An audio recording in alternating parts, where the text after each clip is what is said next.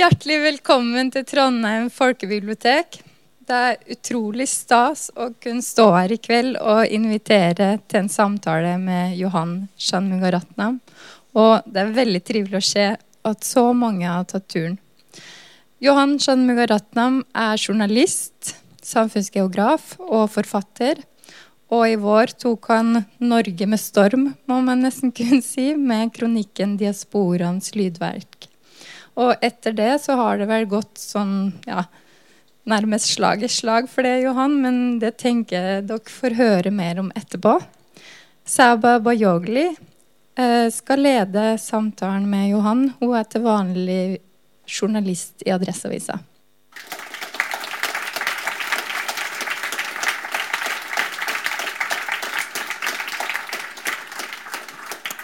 Velkommen, Johan. Tusen takk.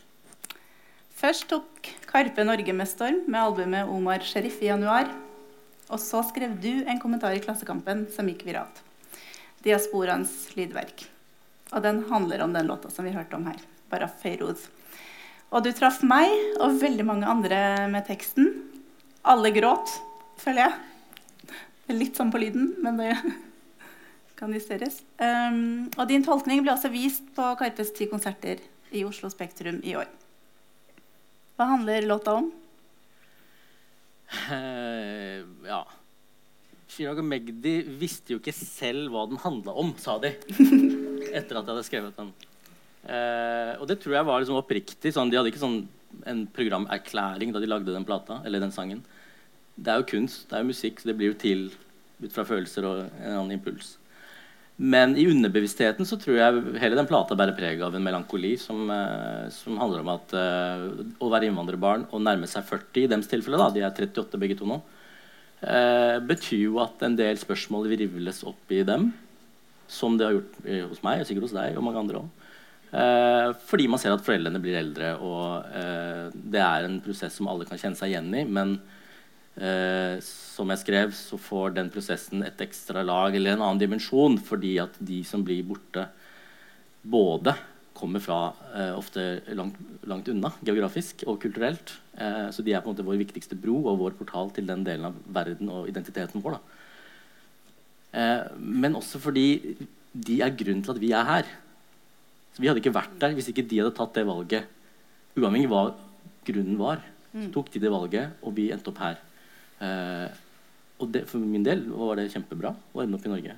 Men samtidig så er det sånn det gjør noe med deg når de som er grunnen til at du er her, blir borte. Mm. Da må du finne en ny forankring. Eller for å ikke bli stranda mellom to steder. Mm. Så det virvla jo opp ganske mye følelser hos deg òg når det her eh, kom opp. Kan du si litt mer om hva som skjedde med deg eh, når du hørte den her? For det var jo flere låter, men du festa deg ved denne. Ja, jeg pleier å høre på musikk på vei til jobb, og da går jeg, og så hører jeg på musikken. Og så gikk jeg gjennom Grønland i Oslo, hvor det er masse innvandrere. Og så kom den delen med Magdi som jeg refererte til i teksten. Uh, og det var etter at faren min hadde fylt 80, og jeg begynte å tenke mer og mer på det. da, At uh, eh, verken han eller moren min kommer til å være der til, for alltid. Faren min er fra Sri Lanka, der jeg er født. Og så har jeg mor fra Japan, der jeg også har bodd. Og så kom vi til Norge da jeg var seks år. Så, så er, vi er en liten familie, så det er, det er basically oss. Mm. Og, og, broren min. Så eh, Derfor så begynte jeg å tenke på den problematikken. Men idet jeg satte ord på det, så merka jeg at jeg fikk tilbakemeldinger fra så vilt forskjellige mennesker. Mm. Hva slags mennesker fikk du tilbakemelding fra? Hvem var de? Eh, fram til eh, lunsj så fikk jeg e-poster fra majoritetsnordmenn, godt voksne nordmenn som skrev at uh, det er de som står opp tidlig og leser papiravisa og koser seg med den. Og de skrev uh, at uh, dette har jeg aldri tenkt på før. Eller de skrev sånn Jeg kjenner masse innvandrere. Jeg, føler at jeg liksom kjenner dem veldig godt, men dette har jeg ikke tenkt på før. Og hvordan er det å dø i et fremmed land, f.eks. Eh, og etter lunsj og utover kvelden så fikk jeg meldinger fra folk på Instagram som var altså yngre minoritetsfolk som skrev lignende ting, men med veldig personlige historier. da så på en dag så fikk jeg melding fra en fra Kosovo og en fra Kongo. Som begge fortalte at de hadde lest teksten. Og den ene hadde mista en far eller mor nylig og bare beskrev hvordan det var.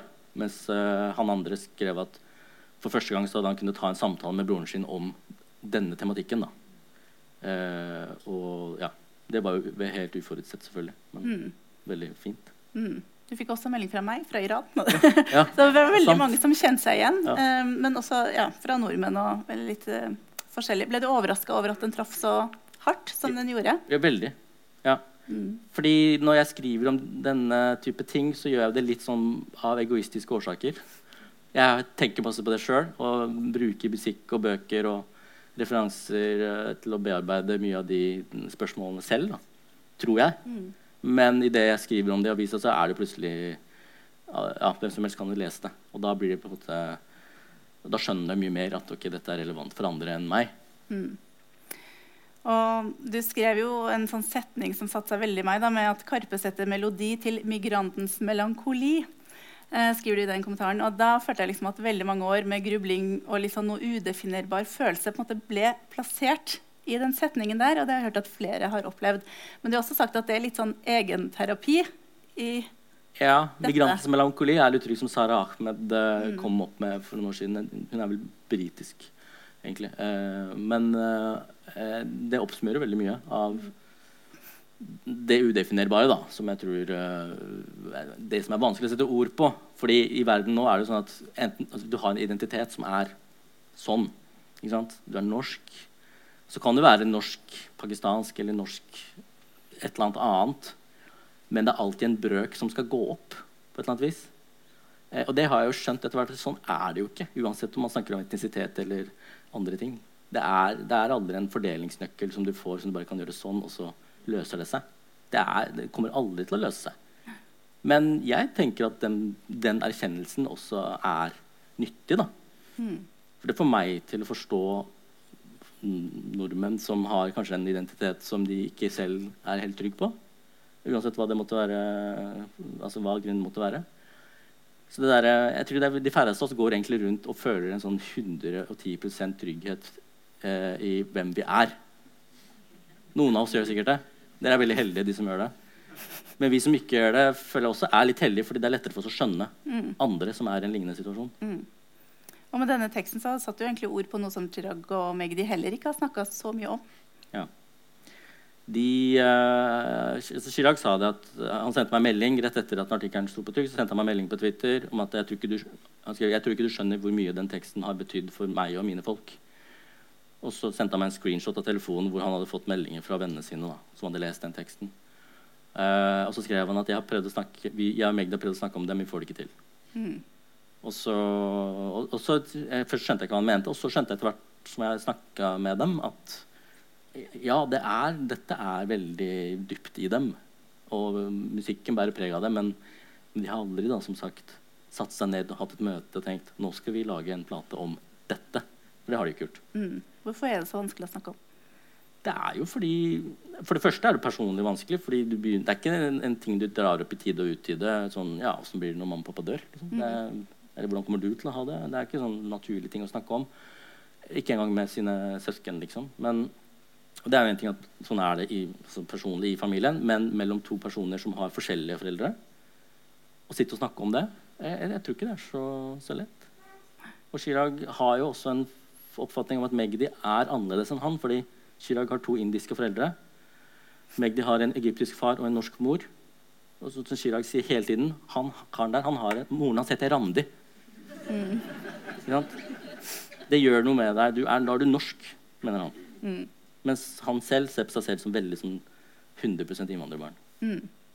Og Vi skal komme litt tilbake til det, for i dag så skal vi jo snakke om betydninga som boka har fått. 'Hjertet i to seks måneder med Karpe'. Du har vært flue på veggen i en, vært i den innerste sirkelen i en ganske sånn sinnssyk opplevelse på alt som har skjedd det siste, siste året, egentlig. Um, og Karpe jeg regner med at de fleste her vet det, da, men bare tilfelle.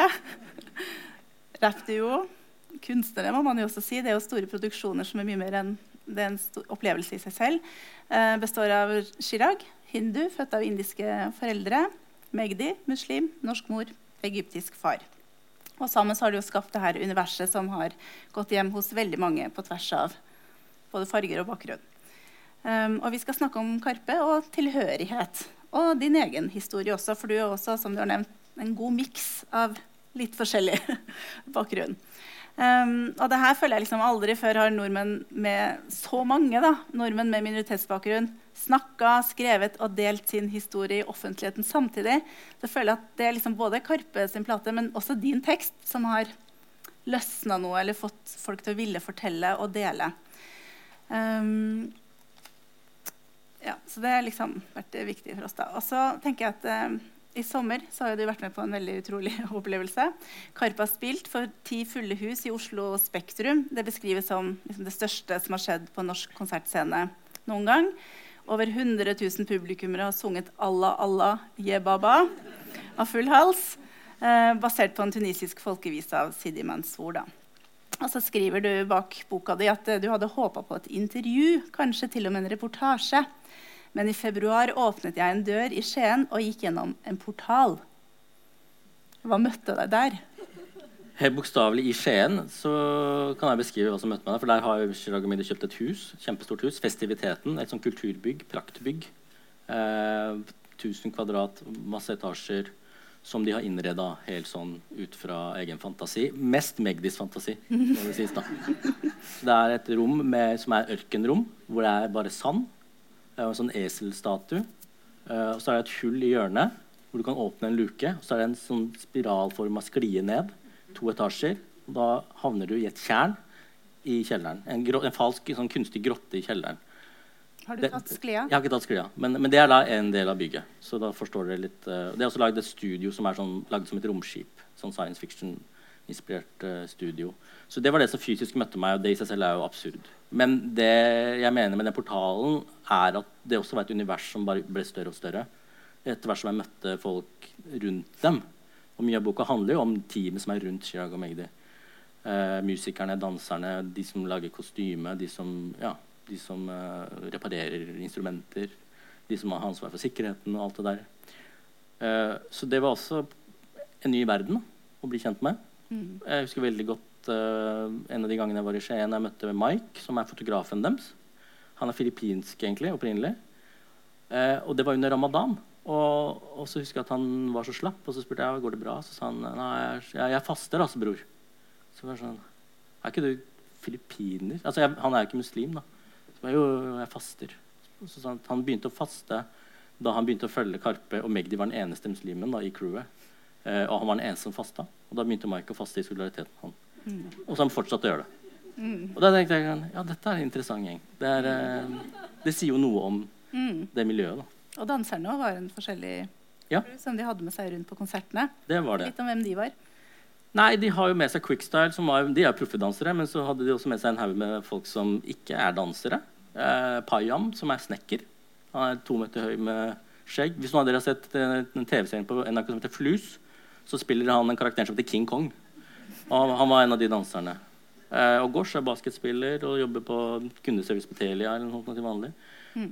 Eh, Kalim studerte til å bli tannlege. altså folk gjør forskjellige ting, Men de ble med på dette opplegget her da, eh, og sto på scenen både i festivalene i, i sommer, men også i Spektrum ti ganger. Mm. Og den sammensetninga gjør jo også noe med hele dynamikken og ja, er, eh, jeg har aldri sett en sånn sammensetning med folk og aldri telt så mange nasjonaliteter på en scene heller. Hvor mange vet Jeg kom til langt over 20. Ja. Hvis du tok med danserne og musikerne alle sammen. Mm. Jeg satt jo på et tidspunkt backstage ved siden av uh, Mira, som er uh, foreldre fra Sri Lanka, som hun spiller fløyte. Uh, og Maya, som er danser, og som er halvt japansk og halvt norsk. Og så satt jeg imellom, som er halvt japansk og halvt srilankisk. Og kunne da Vi tok et bilde, og vi sa sånn de sa sånn Ja, hvis Mira og Maja hadde fått barn, så hadde kanskje barnet ligna på meg. Det er bare et sånn type sted. da. Mm, for det har du ikke opplevd før? Det har jeg aldri opplevd før. Men hva skjedde med deg da når du var i den settingen hvor det var så mye forskjellig, og alle var norske? Eh, jeg følte meg veldig hjemme. Ja. For første gang sånn ordentlig hjemme, føler jeg. Eh, og det var ingen som gjorde noe nummer ut av det, var ingen som sa det høyt, men jeg tror det var det mange følte. da. Mm. Chirag og Magdi har sagt at første gang de møttes De har forskjellige historier, da. Eh, alle tror de møttes på Oslo Handelsgym på videregående. Eh, men Chirag mener at de møttes før det på fritidsklubb i, på Slemdal i Oslo vest. Og, og, det husker ikke Magdi, men Chirag husker det veldig godt. Uh, at for Magdi sto utafor fritidsklubben med sånn svær genser hvor det sto sånn Egypt-flagg. Mm. Og så sto hun der og sigga Lucky Strike. Og så ut som han eide hele stedet. da. Og det gjorde veldig inntrykk på Chirag, som var litt mindre selvsikker. og sånt. Men, men, de er veldig forskjellige. Men Magdi har også sagt at første gang de ble kjent, så, han, så tenkte han at vi er så like. vi. Men de er jo ikke like. Han ene er muslim, han andre er hindu. Uh, han ene er halvt norsk, han andre er ikke det. Uh, de er veldig forskjellige. Men han følte vi er så like. Men det var også litt jeg følte i Spektrum òg, at alle disse danserne, musikerne som jeg fortalte om, selv om de har så forskjellig bakgrunn, så tror jeg de så på hverandre og tenkte litt sånn Vi er, vi er like, liksom. Mm. Fordi vi har noen ting til felles. Mm.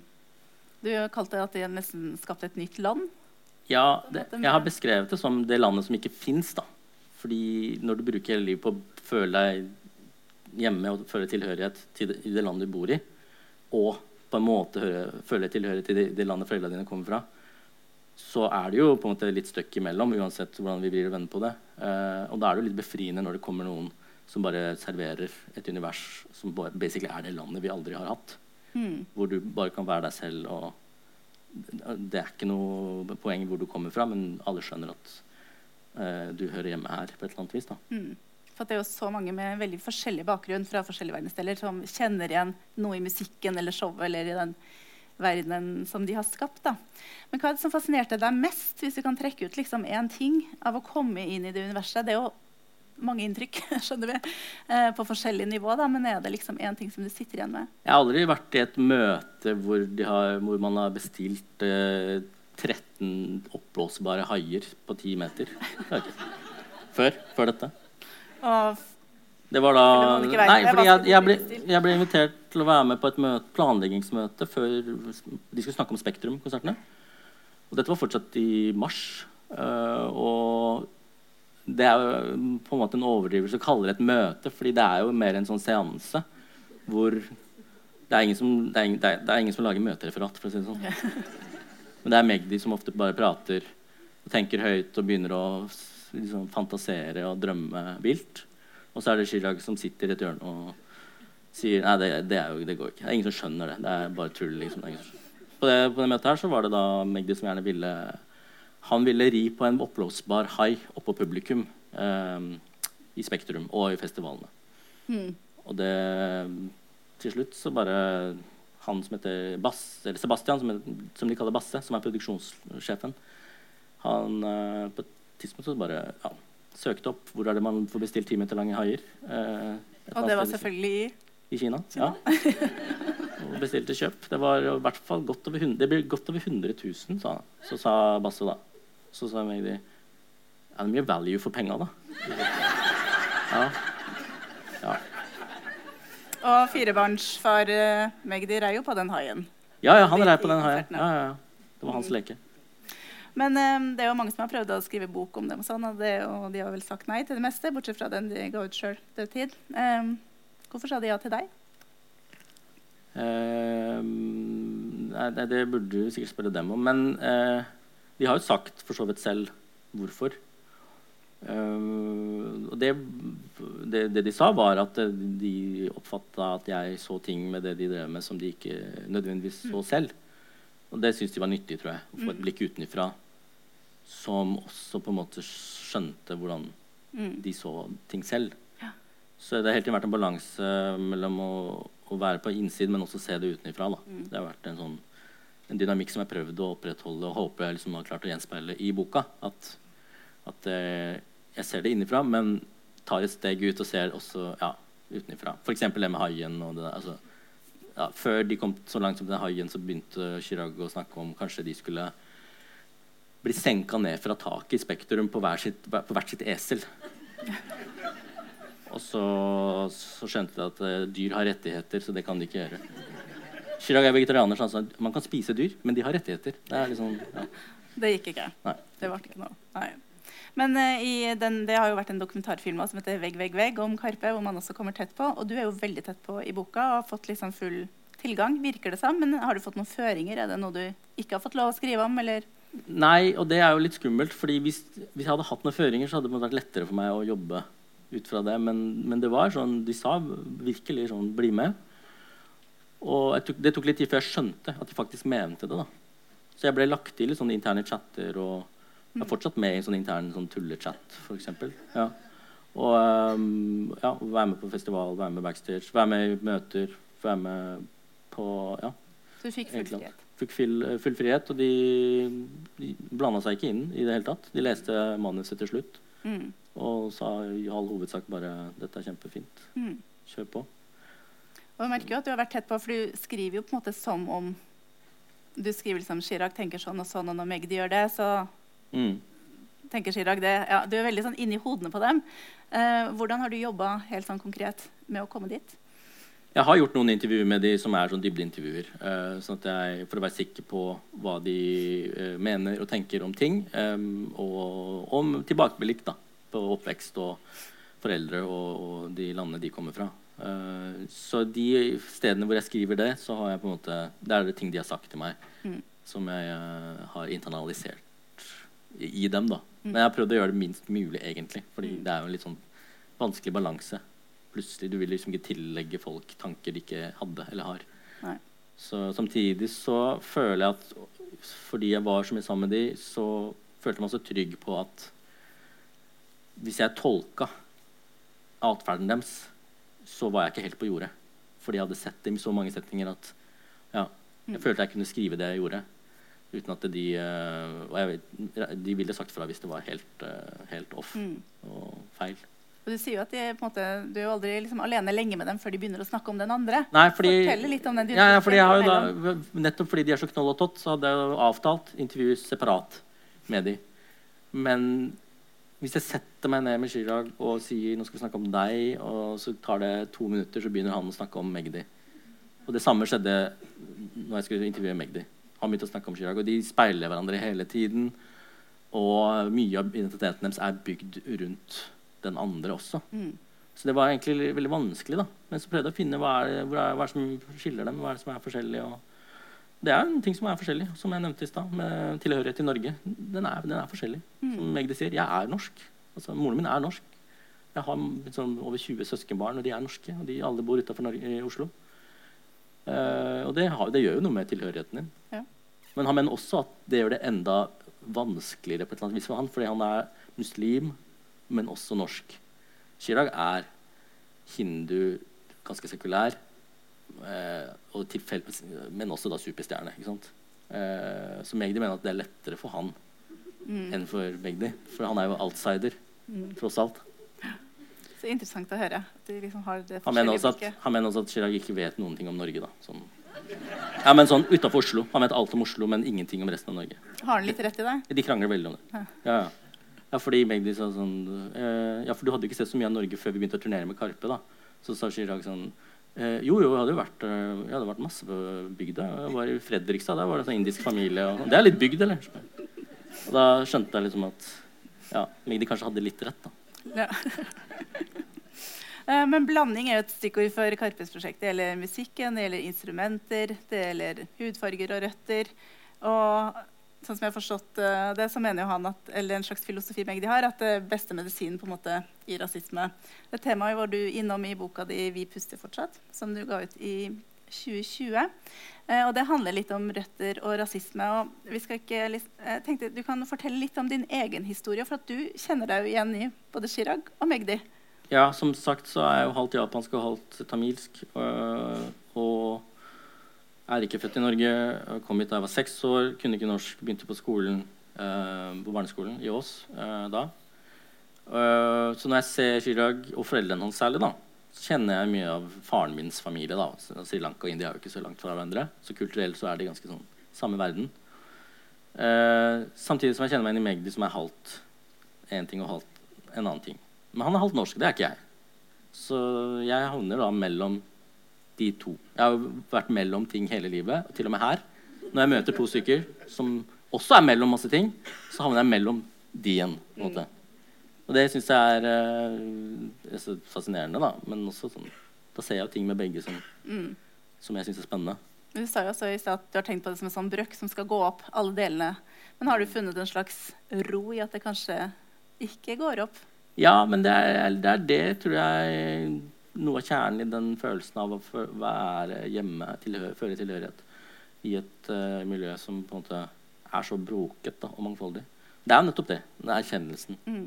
Det har aldri vært sånn, egentlig, at alle har kunnet føle seg 100 hjemme et sted. Det har jo alltid vært migrasjon. Det har alltid vært blanding av, av nasjonaliteter, altså blandingsekteskap.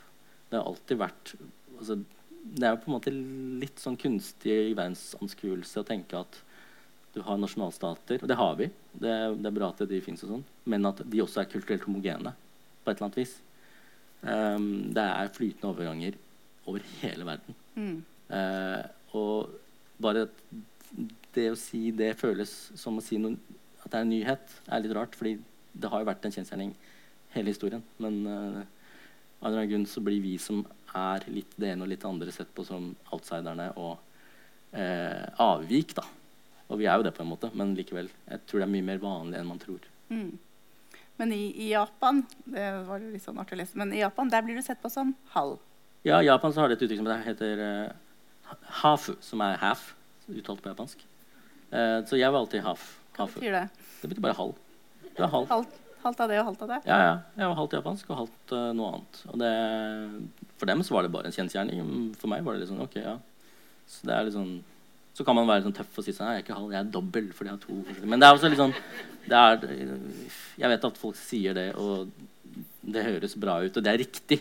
Men når du er sju år gammel da, og ikke sikker på hvem du er, så føler du ikke nødvendigvis at det er så naturlig å gå rundt og si det. Jeg er dobbel, jeg er 200% fordi jeg har den og den kulturen. Selv om det er det man burde si, og det er det man burde føle. Men, men uh, det tar jo tid før du kommer dit.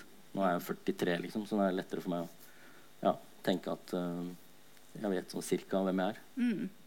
Men under oppveksten i Ås, det var kanskje ikke så mange uh, innvandrere som var der? Det var noen. Det var noen. Men uh, slet du mye med de tingene der da, eller var det på en måte ikke så opptatt av Jeg hadde en veldig fin oppvekst i Ås. da.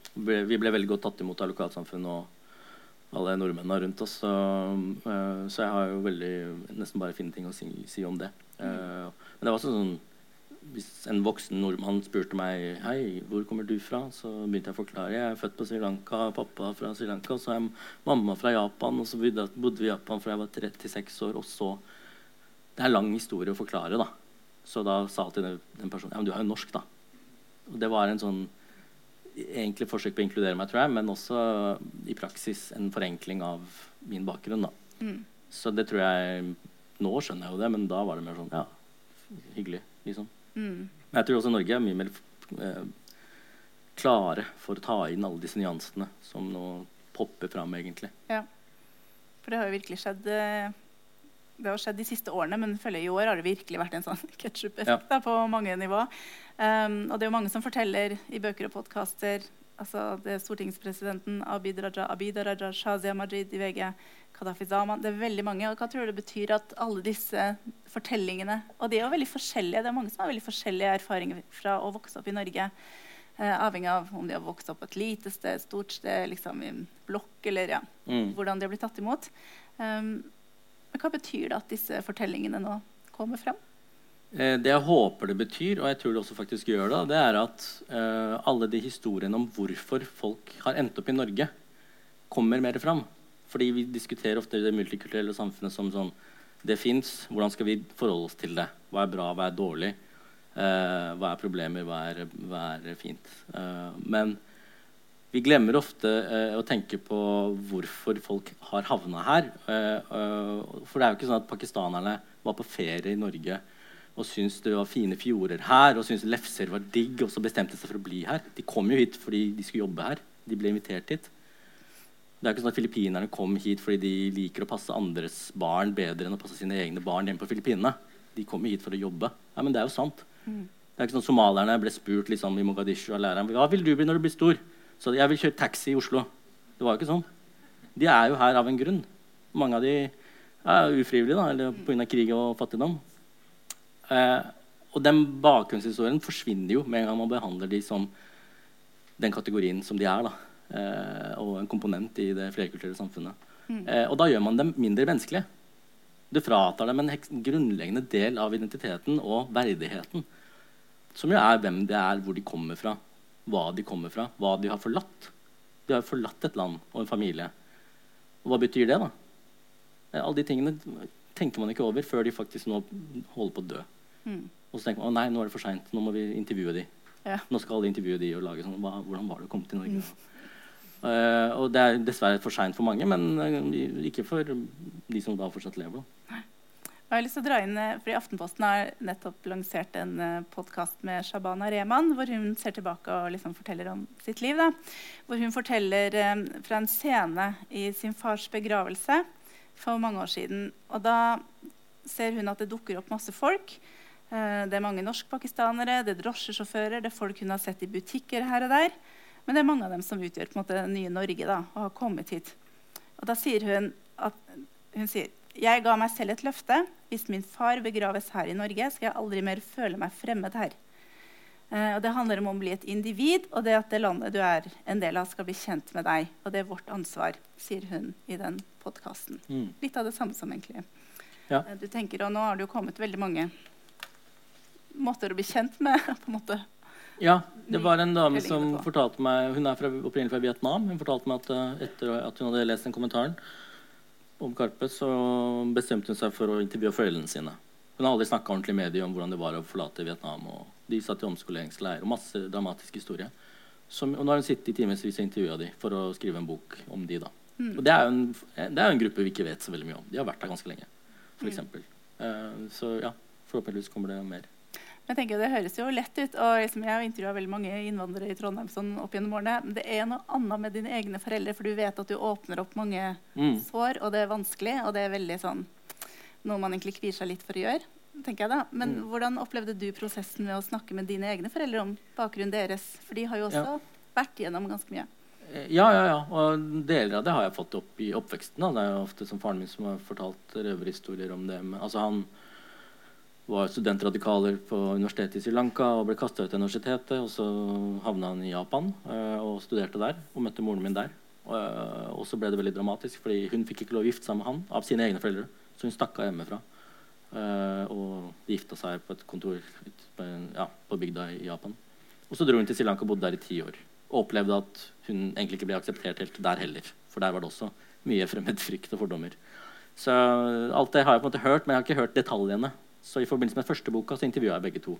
Og da fikk jeg mye mer detaljer om hvordan det var. Og så skjønte jeg mye mer hvor vanskelig det var å forlate sine egne foreldre og sitt eget land. Men de endte opp med å etablere seg et tredje land, som var Norge, som var litt sånn nøytral grunn for dem. Eh, fordi det var så mye drama med at de ikke fikk lov å være sammen osv. Så, videre. Så um, for meg, jeg følte at det var lettere for meg å snakke med dem enn, enn det sikkert er for andre, som har hatt mye mer traumatiske historier eh, og flykta fra krig. Og foreldrene har garantert gjort ting de ikke vil snakke om. Og de har opplevd ting de ikke vil snakke om. Det er ingen som vil fortelle barna sine at de ble ydmyka der. Den grenseovergangen der. At de har betalt de og de folka der for å komme hit.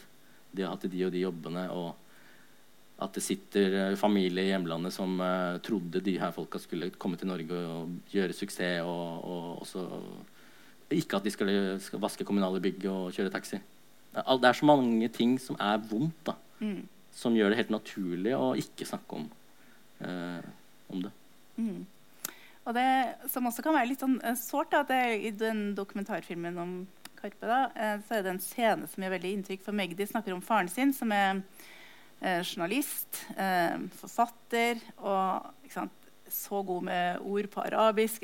Leker med ordene og kan alt eh, der. Og så hører Magdi faren si det samme på norsk. Og det høres jo helt forskjellig ut, og det er liksom flatt og mangler liksom alle de nyansene som eh, språket har. da.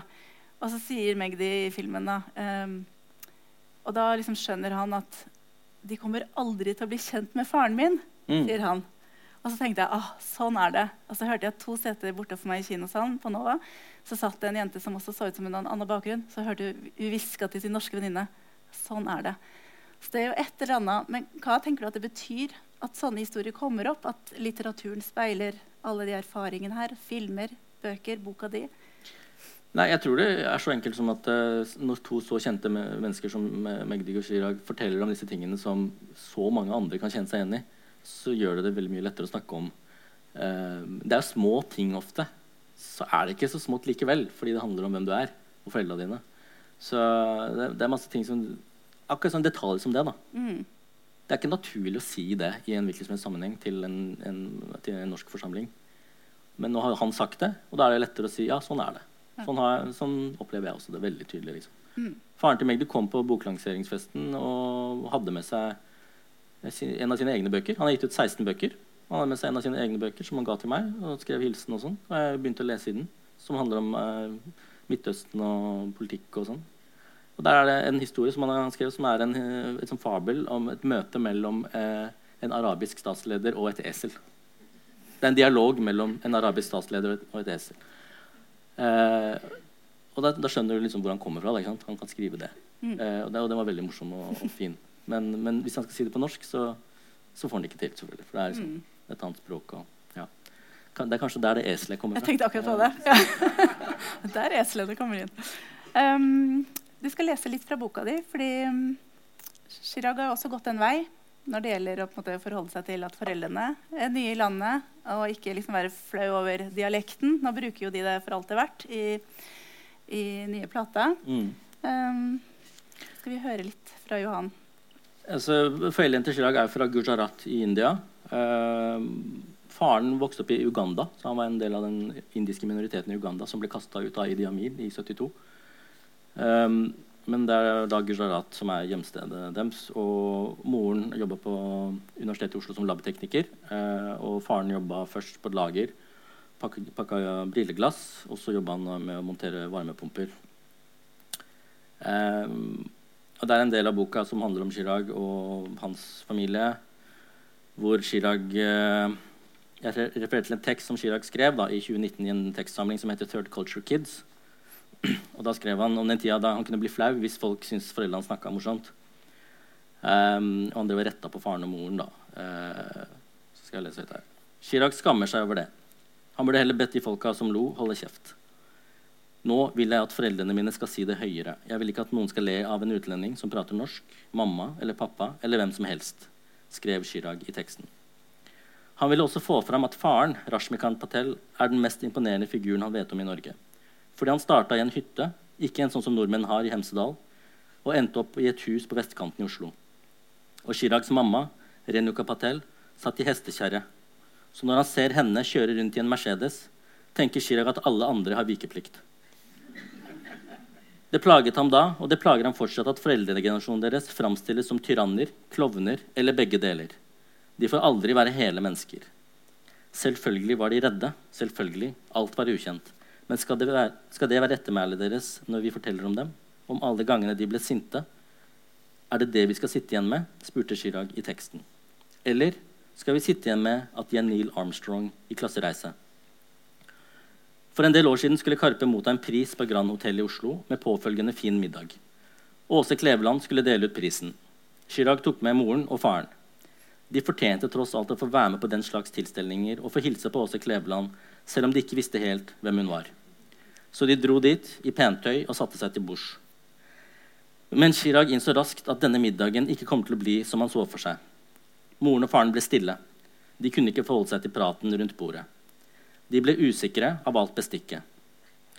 En av de andre som satt der, var en godt voksen nordmann som begynte samtalen med å referere til en eller annen diktsamling. Er du seriøs nå? tenkte Chirag. Fins det egentlig noe mer multikulturelt handikappa enn en 60 år gammel Vemund som har tatt masse utdannelse og lest Odysseen, men er helt ute av stand til å navigere i et annet miljø enn sitt eget?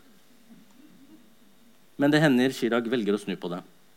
Kanskje Vemund, som han garantert ikke het, bare ikke ville undervurdere foreldrene hans.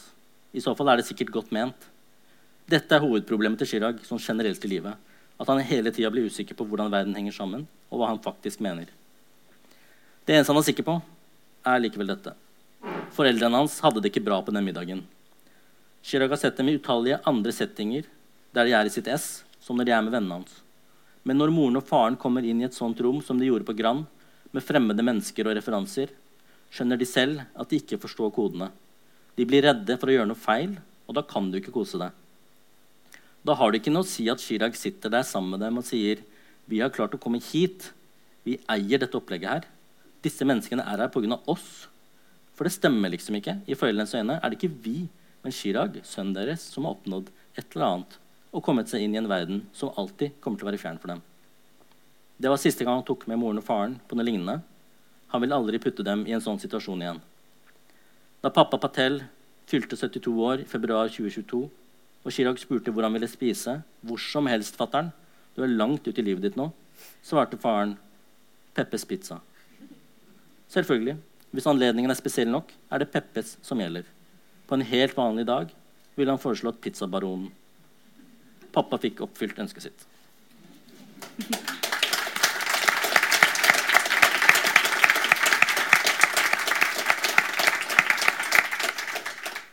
Jeg syns den eh, scenen gjør veldig inntrykk. Og det er en scene som også mange kan kjenne seg igjen i. Jeg tenker, Chirag eh, er jo opptatt av å ha definisjonsmakt. Er det sånne ting som gjør at han er opptatt av det? tenker jeg. De skriver i boka at altså, nå skal vi rulle inn hele bussen, og vi skal bli stående. Jeg er liksom ikke lenger gjest og står ikke lenger med lua i hånda. Mm. Han vil ha definisjonsmakt. Ja. Dette tror jeg de er uh, litt uenige om, han og Magdi. Eller jeg tror Chirag mener at han er mye mer opptatt av det enn Magdi er. Igjen tilbake til det om å være innvandrerbarn. Som Chirag ser på seg selv mye mer som et innvandrerbarn enn det Magdi er. Og noe av det betyr at du har vokst opp eh, i Norge uten å ha den definisjonsmakten. Ikke bare det, du har sett dine foreldre eh, mangle den samme definisjonsmakten som andre foreldre har. Eh, og så har du plutselig en posisjon selv til å kunne påvirke. Og så har de gjort det på sin måte gjennom 20 år, gjennom musikken.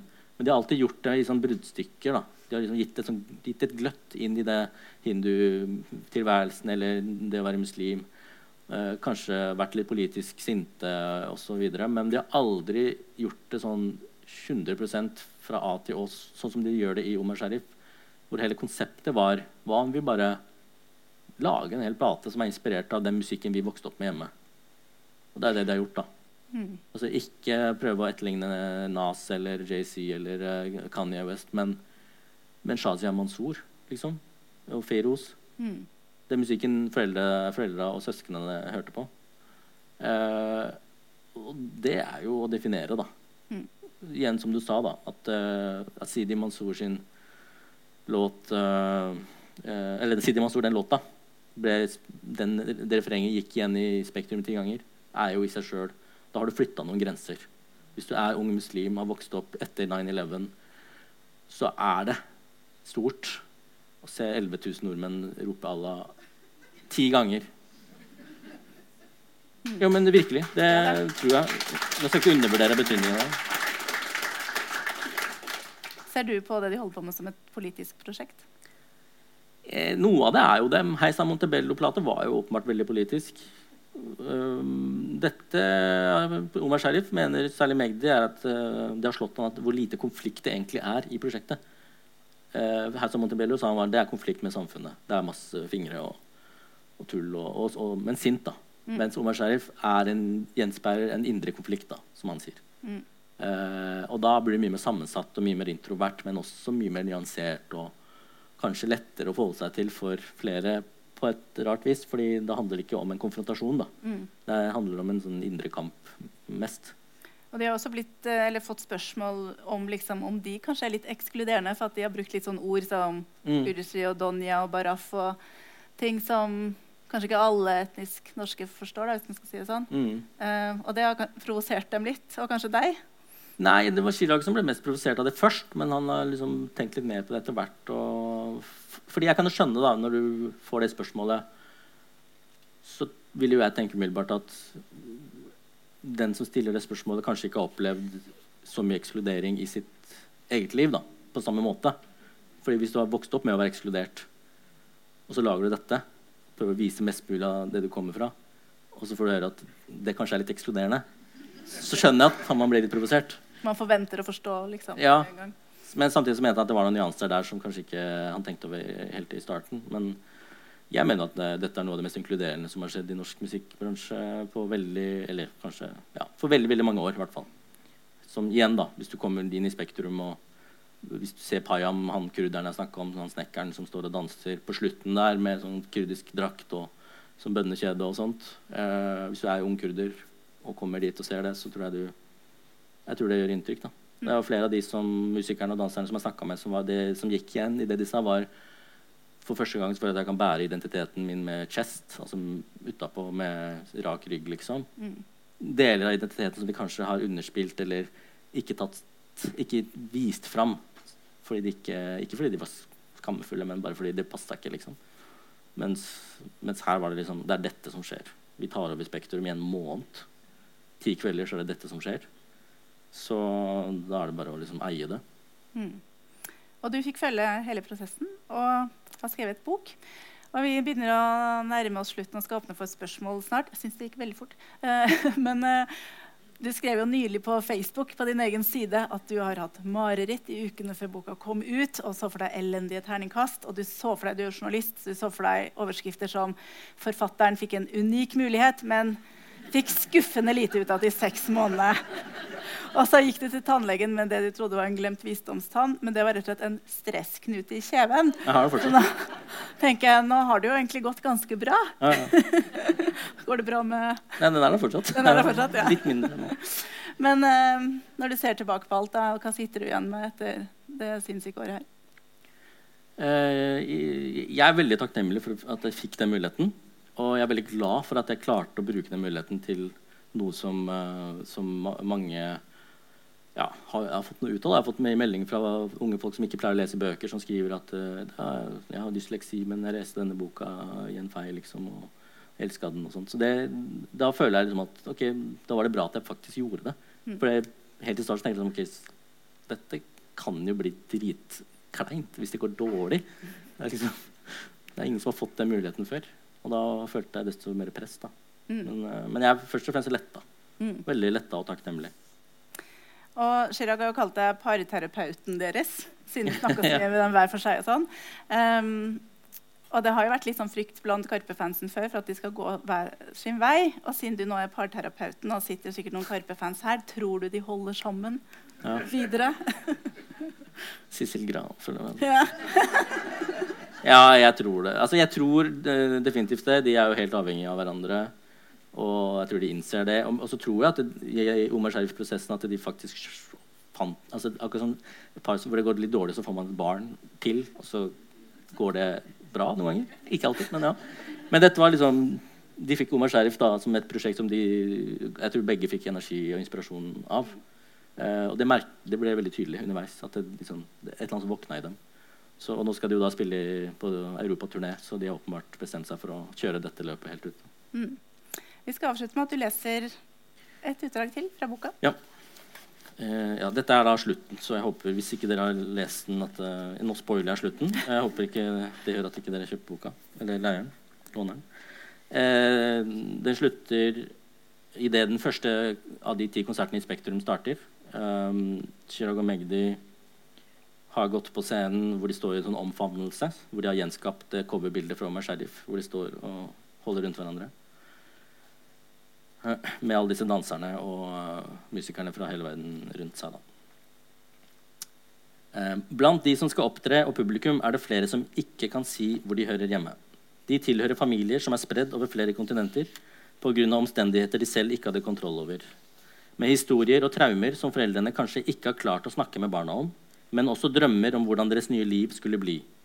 Og så har disse barna og unge funnet sammen i et land Karpe har skapt, og som de på et eller annet vis føler seg hjemme i. Kanskje fordi også de ser på hverandre med latter i blikket, uro i blodet og et ubestemmelig savn i hjertet mens de tenker vi er så innmari like, vi. I løpet av de siste månedene har Chirag og Magdi endt opp med å finne en måte å komme enda nærmere hverandre på. De har sammen blåst liv i Omar Sharif. Menneskeliv. De har også skapt en arv de ikke hadde planlagt. Chirag og Magdi har egentlig ikke lagd et storslått monument over seg selv. De har lagd et monument over foreldrene sine og foreldrene til alle de andre i Karpe-diasporaen, både de som er på scenen nå, og de som ser på. Dette er Chirag og Magdis måte å si til mødrene og fedrene Se, vi har tatt det skrittet videre. Kanskje ikke sånn som dere håpet, men på vår måte. Den eneste måten vi har kunnet. Dette er også generasjon Karpes sjanse til å få uttrykt det de ikke kan si rett ut til foreldrene. Vi glemmer dere ikke, selv om Norge kanskje har gjort det ydmykelsen dere opplevde, kjærligheten dere har delt, smerten dere skjulte, lengslene dere tar med videre. Vi kommer aldri til å glemme dere. Takk, Johan.